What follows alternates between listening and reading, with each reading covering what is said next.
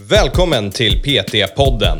Podcasten för dig som vill lära dig mer om träning och hälsa. Mitt namn är Karl Gulla och jag är utbildningsansvarig för Sveriges största PT-utbildning, Intensiv PT.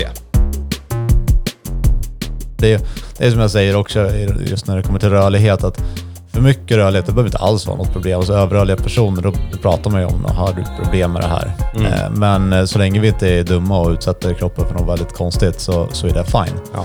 Men för lite rörlighet är alltid ett problem om vi sätter större krav än vad det finns kapacitet för i kroppen. Det är otroligt bra sagt. Varmt välkomna till PT-podden. Idag har vi ett fantastiskt avsnitt. Jag, jag måste själv säga att det här är väldigt bra.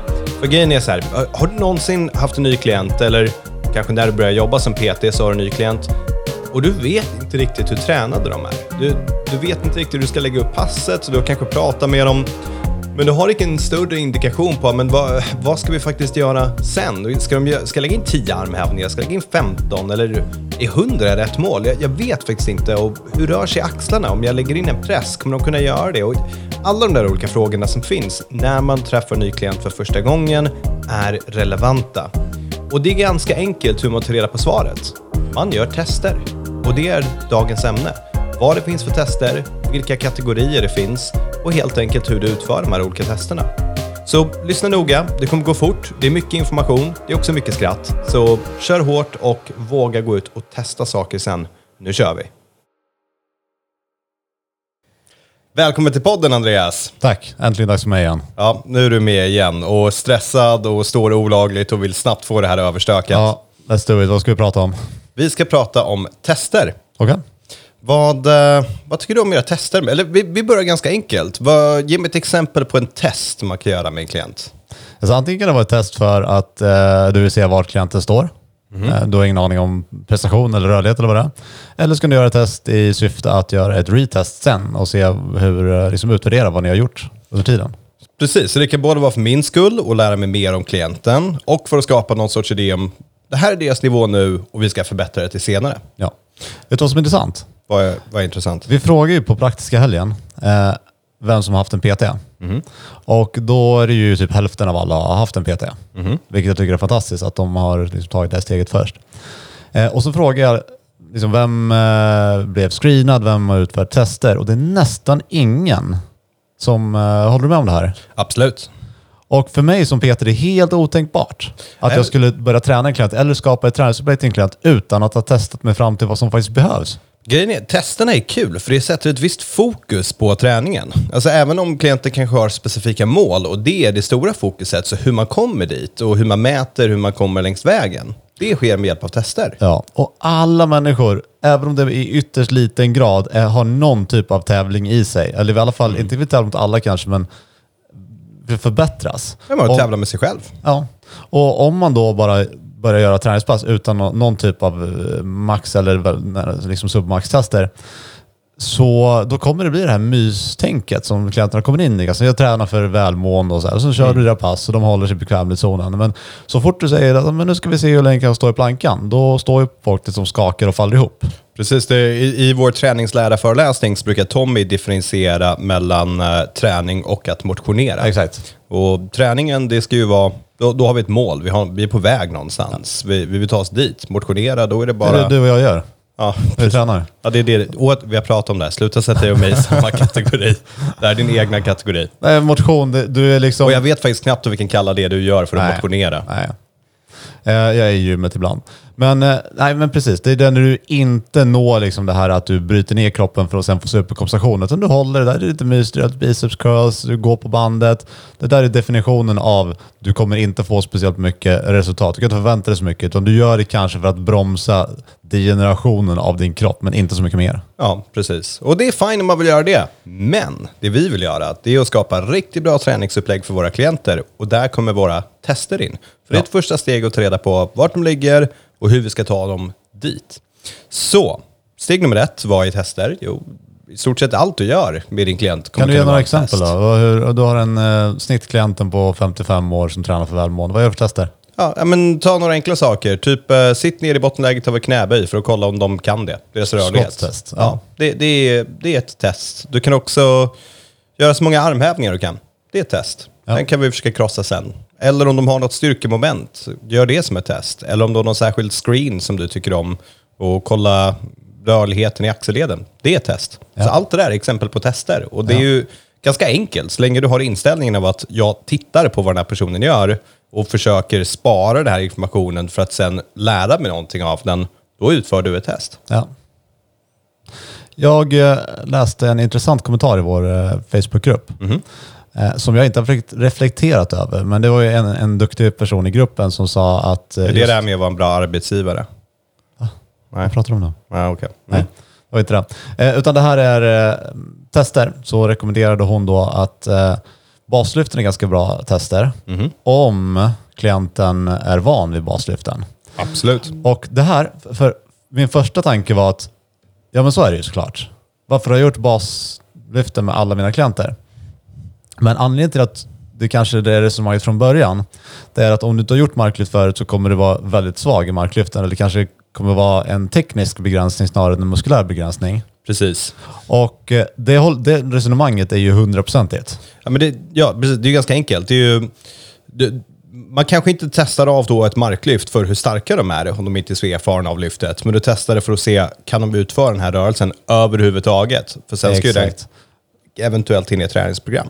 För exakt, det här var mitt absolut första. Jag tänkte, ja så är det ju såklart. Men sen så tänkte jag, varför är det jag faktiskt gör baslyften med alla mina klienter i början? Det är för att jag förväntar mig inte ett perfekt lyft. Jag förväntar mig att jag som PT sätter begränsningar tycker att det är, nu är det inte bra nog. Ja. Och om det är 40 kilo i marklyft, men det kanske finns muskulär potential till 100 kilo, det spelar ju inte mig någon roll, för det är ju marklyftet som övning som jag testar, inte hur stark klienten är. Ja, absolut. Så jag, jag vet inte vilken sida jag står på där längre. Jag tycker att hennes resonemang är super. Men jag tycker också om att testa dem. Jag tycker så här återigen, har du en bra motivering till varför du gör just det här testet så kan det funka bra. Men du behöver inte testa marklyftet då med kanske en skivstång om du inte vill. Utan du kan ju testa den med en trap bar som är betydligt mycket enklare att lyfta i. Eller med en kettlebell eller någonting sånt. Ja, jag, jag brukar använda det oavsett, även om det är liksom katastrofalt och jag visar dem på, liksom filmar dem och säger så här, så här, när du tappar här eller när du gör så här, då, måste vi sätta stopp. Och sen så går de från 40 till 120 kilo på några månader. Men- men så, jag- kolla! Ja, ja, kolla, fan vad grym du är. Men jag tror också det är så här att du och jag har en ganska stark bias mot baslyft. Vi, vi tycker det är väldigt bra övningar och vi har med dem i i stort sett alla träningsprogram som vi gör. För vi tycker det är kul övningar och vi känner att man får mycket av dem. Nu kan du ju få de effekterna av andra övningar som är likartade, som inte är specifikt ett marklyft, men någonting åt det hållet. Så jag tror för oss handlar det ganska mycket om att med varje klient som kommer in så har vi ett slutmål. Du ska lära dig marklyft till exempel. Och då är det klart att vi måste testa marklyftet i början för att vi har ju slutmålet redan i sikte. Ja, ja men även där för, för dem. Just marklyft tycker jag är lätt att försvara. Sen en sak som jag köper, det är knäböjen. För att den är ju så pass katastrofal ofta för, Ja. eh, och, och svårt att hålla balansen och det finns mycket begränsningar. Ibland finns det den här studien som jag brukar prata om ibland där du jämför hypertrofi bland annat i uh, hackliften mot uh, squatten med eh, stång. Och de nya, de kan ju inte prestera speciellt bra. De får inte speciellt bra hypertrofi med stången. Eller de, man ska säga att de får bättre med hackliften. Ja. För att det går inte att göra fel. Du är liksom fast i en maskin och du kan bara böja på benen och rätta ut dem igen. Precis, det är en väldigt enkel övning. Så där är ju potentiellt, ett, eh, om man har tillgång till en hacklift. Vem har en hacklift nu för tiden förresten? Det är typ ingen gym som har det. Nej. Men eh, principen är densamma. Eh, så den typen av rörelser kan jag komplettera med någonting annat, för den är faktiskt lite knepig. Ja. Ja, men det är oavsett vad. Du, jag, jag tror sättet man ska tänka det är att du vill screena saker som du kommer lägga in i träningsprogrammet. Och marklyftet är bra för en hip hinge effekt och se kan de fälla framåt och hålla det med någorlunda god teknik. Det får du inte i andra övningar. Knäböjet är också så här, återigen, du, du har hackliften visst, super om klienten tränar någonstans där det finns maskiner och du kommer använda dig av det. Men om vi bara tar den stora trenden av hemmaträning nu, där du kanske har en kettlebell hemma, då behöver vi screena av om de kan göra ett okej knäböj innan vi börjar programmera in att de ska göra massa kettlebellsvingar och overhead squats med kettlebell och goblet squats och utfallssteg med den och så vidare. Då, då vill vi ha en idé om hur deras teknik är. Så screeningen kanske mer i det fallet är för den tekniska screeningen och se hur de rör sig än just styrka. Och sen får vi ju ett mätbart värde i styrka, även om vi vet att det inte är ett realt värde om det är en ny person. Men vi kommer krossa den ändå efter två, tre veckor kanske till och med. Eller sen efter två, tre månader, då kommer de känna, ah, jäklar vilket resultat jag fått Och det är ju riktiga resultat, för de kunde inte prestera mer i det lyftet innan. Ja. Och där, eh, som du sa, att vi testar det vi ska göra. Eh, jag har ju också en helt annan aspekt av testningen. Jag, ju, jag kan ju testa saker som vi absolut inte kommer göra. För det, förhoppningsvis ska ju trä, den generella träningen leda till prestationsökning i allt, även om vi inte har det i träningen. Absolut. Men ta ett exempel här, om jag ska testa en person som eh, tränar högintensivt eller kanske har konditionsbaserade mål. För mig att sätta en eh, 2000 meter rodd tycker jag är ett fantastiskt test att ha, även om det inte kommer vara speciellt många 2000 meter roddar i träningsupplägget. Absolut. Men det är precis, men då, då är vi inne på... Det är ju ett annat typ av test. Det är inte för att screena av deras teknik i rodd lika mycket, utan för att screena av deras... ehm, ja, få Ja, någon det. upp... Ja, precis. Jag, jag vill gå in på VO2 max, men det är det ju inte. Men ba, bara se hur kan de prestera på den här träningspasset 2000 meter rodd. Det är en cardio-workout. Och sen när de gör annan träning så kommer de få bättre kondition och sen kan de krossa den igen. Så det är ju lite annan infallsvinkel när du gör just det testet jämfört med ett knäböj eller ett marklyft. Ja, jag har ganska många exempel där också. Men om vi, vi ska ta lite mer konkreta på olika saker du kan eh, testa. Om vi tar kondition, vad tycker du om att göra där? Så konditionstester. Det är, vi har en person som kommer in och säger att de har konditionsmål. Vi vill ta reda på men vart ligger de nu. Då, den klassiska är 2000 meter rodd. Super. Och här kan du ju anpassa det 1000 meter om det är någon som är väldigt otränad eller 500 meter om du skulle vilja det. Du kan köra korta distanser, långa distanser. Du kan köra 5000 meter rodd, men det är ganska tråkigt test att göra på ett träningspass. kanske folk får göra själva. Sju minuter burpees är ganska kul. Gör så många burpees du kan på sju minuter. Det är ju hyfsat elakt konditionstest om man är ganska flåsig över. Uh, gå ut och springa. Även om man återigen kanske inte gör det med klienten så är det ett bra konditionstest att programmera in för att få en idé. Fem kilometer, tre kilometer, det som är lämpligt. I stort sett, jag brukar utgå ifrån 2000 meter rodd och ha den som standard för de flesta. Ja. Jag, jag tycker också de är ganska bra för att för vissa klienter då kommer det vara, det kommer vara intressant att veta att hur står du dig mot andra liksom, i din eh, ålderskategori och liksom, hur bra presterar du mot andra. Även om man inte kanske berättar det här till kunden om de är intresserade. Ja, Eh, och just 2000 meter rodd, det finns ju hur mycket referens som helst. Är Absolut. Svea-rodden och folk publicerar det så pass standardiserad distans att folk lägger upp sina 2K-rodd. ja. ja, det är ju inte så att jag och Andreas hittar på att 2000 meter är en kul distans, utan det är ganska standardiserat pass. Ja. Vad har du på 2000? Ja, du sub åtta? Sub 6. Nej, Vet har inte. Nej, det har jag inte. det var sist du gjorde 2000 meter rodd. Det är tio år sedan. Ja, precis. Jag är fortfarande 640. Nej, det tror jag inte en sekund på. Så, Sju minuter burpees finns också. Ja. Det, har, det har ju varit en, eh, en gammal eh, open workout, så den finns ju hundratals människor. Så man kan kolla vad de presterade på. ja, Och den mäter ju någonting annat också, för den mäter ju inte bara alltså, cardio, utan hur väl du rör dig. Ja, precis. Och, ja, och lite muskeluthållighet också. rör dig. Precis. Um, det, det är väl egentligen de som är. Det- Jag kom på- på något som är riktigt kul, att göra beep-test och sådana grejer också. Ja, jag gör faktiskt inte så mycket sånt. Nej, men det är för att den här lokalen är inte så bra att göra beep-test på kanske. Men det, beep-testet är superkul. Där, där finns det ju typ... eh, Det finns ju spellistor som har beep-tester. Sen bara beep, beep, beep, beep. Så det, det där kan du googla dig fram till hur man gör. Det, det är faktiskt väldigt kul att göra med folk. Man, eh, man jobbar ihjäl sig för de här beepen. Ja. Nej, men det finns ju mycket standardiserade med, med stepptest och beep-test och Cooper-test. Och, Ja. Så det är bara att googla. Men eh, jag brukar försöka eh, skräddarsy det, så både som det passar mig, som jag är bekväm med att testa, men också för vad klienten vill ha. För det- är lika svårt att säga så här, vad ska man testa, som att säga vad ska man träna? Det är ju det är därför yrket personlig tränare finns, för att det är ju inte så att jag kan ta ett färdigt testprotokoll eller ett träningsupplägg och bara det här ska passa vem som helst. Utan det ska ju skräddarsys. Men sidonotis, är testerna till för dig som PT eller till för klienten? Eh, alltså framförallt för att de vet inte vad de ska göra med informationen, så det är ju framförallt jag som ska tolka det här. Ja, precis. Så om det här är ett test du behöver för att göra ditt jobb, då är det ett bra test. Ja. Och det det. blir ju, när du har testat igen, då blir det ju mer för, för klienten, för då ser de ju skillnaden på första och andra. Det första, okej jag rodde på, som när du rodde på 940. Precis, Då- 6- 6,20. Det säger ju inte dig någonting. Du visste ju inte katastrofalt dålig du var. Nej, men det var bra sen när det gick ner till eh, 6,30. Och eh, det är samma gäller för klienter. De vet ju inte hur mycket ska man ta i knäböj, i bänkpress, i marklyft. De har ingen aning. Eh, Så att de, för dem är det ju bara, okej nästa gång, ja, jag ökade 20 kilo. Och de kanske inte har någon superbra referenspunkt på hur mycket man kan öka också, om man säger det. Så det här är ju vad man kan förvänta sig. Så Okej, så där har vi konditionstester. Ja. Och vi har väl egentligen vadå, tre, typ fyra kategorier av tester som vi i alla fall lyfter upp här. Vi, vi börjar med konditionstester, sen har vi återhämtningstester.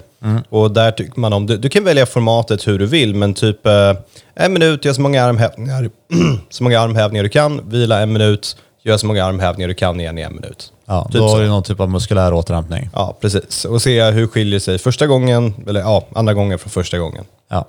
Och den får man ju också, det där är ju absolut inte standardiserat på något sätt. Den har du en väldigt vältränad person kanske har tre minuter push-ups, en minuts vila, tre Ja. minuter. Har du en extremt otränad person kanske har 30 sekunder push-ups, en minuts vila, 30 sekunder. Så länge du retestar samma sak igen. Ja, de- den går väl, återhämtning kanske är en dum kategori för det, för det, det går väl mer in i kategorin, jag försöker ta reda på lite grann, vad har den här personen för kapacitet? Vad, kan de göra tio armhävningar på en minut? Då säger det mig en hel del om jag lägger in armhävningar då i deras träning, hur många de ska göra. Det är de liksom. 10 då är det styrketest, då är det inget annat. Precis. Så det, är liksom det, det ger mig information om klientens fysik samtidigt som det kommer vara enkelt att retesta det här sen och krossa de resultaten. Ja. Eh, sen har vi ju, alltså på kon- konditionssidan finns det ju ganska mycket. Och det som är tacksamt där är att du kan jobba med pulsmätare. Ja, visst. För att där kan vi ju faktiskt, vi kan ju göra ett arbetssätt och se hur fort vi går tillbaka till baseline. Så återhämtning, kondition. Exakt, där finns det massa. Och sen på muskelåterhämtningssidan så kan man ju göra egentligen vilket test man vill. Man ska komma ihåg det vad som du nämnde, att det ska ju förhoppningsvis vara ett par reps. Så man kanske gör ja, men air squats två minuter, vila en minut, air squats två minuter. Ja. För den kommer ju testa både cardio och ben. Ja, precis. Det, det ger dig en idé om sen när du skriver. Så är det så att en person gör det och de gör 10 air squats och sen går du in i programmerat att de ska ta 100 kilo i knäböj, då är ju någonting väldigt långt ifrån verkligheten. Ja, gör någon 10 air squats, då har vi nog en del annat att jobba med. Ja, precis. precis. Ehm, så, så där har vi liksom det, och där dela upp vilan, dela upp repsen, hitta lämpliga övningar som ni tycker är kul. Är det så att klienten säger att ah, men jag har fokus, jag vill bygga armar. Ja, men gör det kanske med, eller armar och bröst, gör det kanske med armhävningar då till exempel. Har de fokus, jag vill bygga ben, ja, men gör det med benträning då i sådana fall. Ta squats. Jag vill ha ett sexpack, gör det med situps. Det är, gör någonting som är i linje med deras mål så att de känner att det här testet är mätbart i referens till vad de faktiskt vill uppnå. För på så sätt kommer de vara mer motiverade och glada när de krossar det här målet. Ja. Så det var andra kategorin där. Vad vill du ha mer? Styrketesterna, som vi nu redan har förkastat. Att vi, vi kan inte göra dem med knäböj, bänkpress, marklyft, baslyft om klienten inte kan tekniken till de fast- övningarna. Jo, jag tycker man, och framförallt bänkpress. Det finns ju inget tekniskt lättare än bänkpress. Ja, jag press. Vanlig striktpress också. Det går alldeles utmärkt. Och jag tycker så här, för grejen med styrka är att om du inte har kapacitet, så te- teknisk kapacitet att göra typ ett 60 kilo knäböj så att du gör det på 40 kilo, men du skulle kunna göra ett 60 kilo knäböj.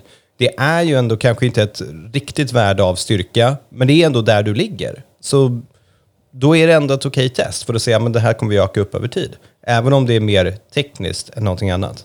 Ja, och sen det finns mycket styrketester som inte är tekniska. Alltså, Ja. gör pull-ups. Ja. Det kan du göra eller kan du inte göra, handlar ju mer om det. Pull-ups, dips, ehm, kanske tyngre knäböj med en kettlebell eller vad som helst. Ja, Någonting åt så de Mycket av hållen. det här går att skala. Alltså, armhävningar på knän. Mm. Det är Bara, kö- kör på om du har en klient som är på den nivån för att du bara retesta på knä igen, även om klienten då kan göra på fötter. Ja, Gör samma retest igen för att bara se vilka skillnader. precis. precis. Eh, sen, man kan ju lägga in lite statiska övningar också. Jägarvila, man kan ha planka, lite sådana. Absolut.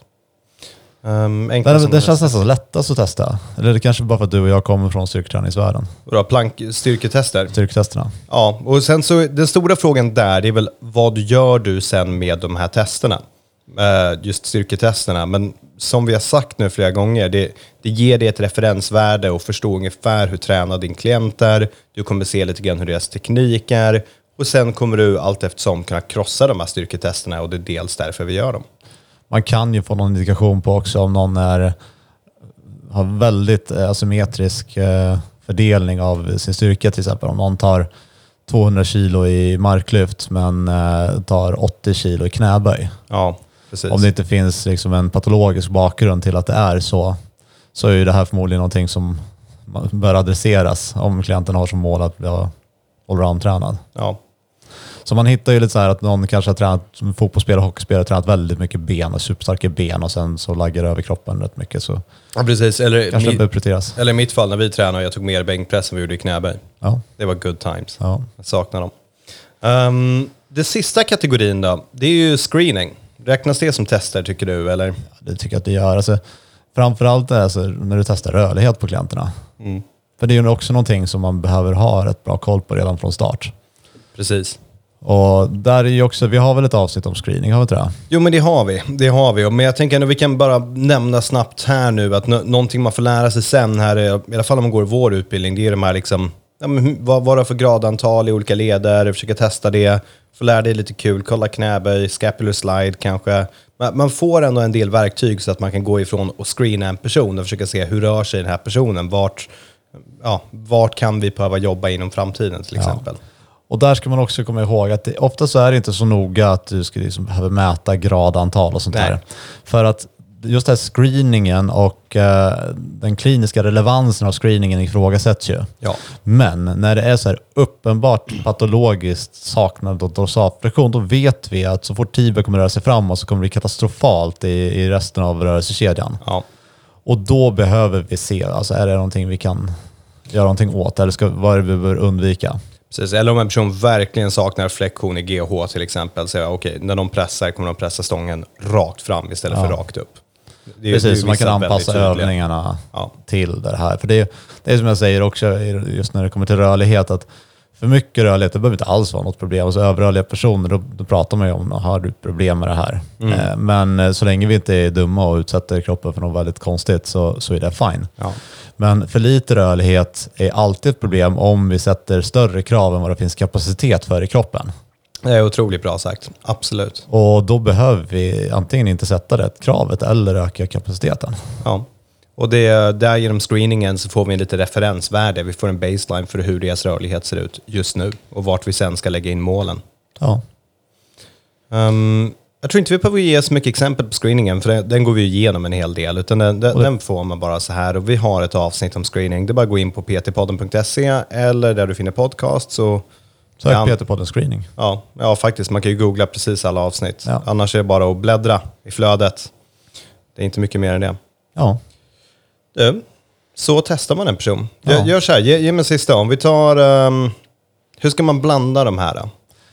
det är en bra fråga. Vem, vem ska göra vad? Och Precis, så jag kommer in här, jag, jag som mål, jag vill bara bli starkare. Det är Ja. mitt enda mål, och få större muskler. ja, mitt fokus kommer ju då ligga väldigt tungt på olika typer av styrketester. Ja, Och har vi en person med eh, cardiomål, vi springer lopp eller något sånt där, så testar jag ju specifikt mot det. Men sen är det ju, i verkligheten så är ju klienterna mindre målorienterade än så. jag vill gå ner i vikt och mår bra, må bra. Jag vill se bränna snygg lite ut fett, naken. bygga lite muskelmassa, bli starkare i armarna, få friska axlar. Och då, då blandar jag friskt. Ja, då är det bara att plocka de som känns Ja. kul. Och återigen, som om de har pratat med er om, ja men skulle vilja ha större bröstmuskler till exempel, om det är något mål. Gör testerna i den världen istället för kanske de med knäböj då. Ja. Säg Håll det enkelt. med det. Håll det simple. För det gör ju screening och tester varje pass.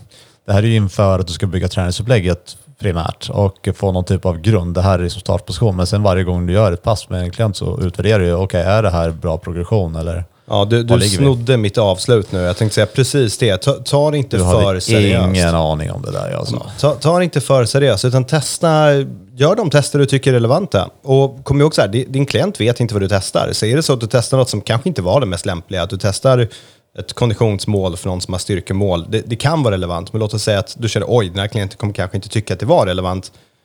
De vet inte. Kör ändå, testa det. Och sen, ah, okej, de fick ett bra konditionspass av det där testet. Ja, Det eller, eller förklara varför du la in det från början, för du har en tanke bakom. Ja men precis, och sen kom ihåg att du kan göra fler test sen. Kommer du på, ja men okej jag skulle vilja göra ett annat test för att ta reda på det här. Gör det. Lägg ner lite, ner lite tid på det på nästa PT-pass och kör. Ja. Oh, nu ska vi gå och testa. Jag, jag tycker det här var ett bra test för ditt tålamod som står olagligt, är stressad, men ville få det här avsnittet gjort. Jag tycker du har skött det bra. ja. Jag ska gå och flytta min bil. Ja, hörni, tack så mycket. Ha det, Ha det fint. bra. Vi hörs. Hej.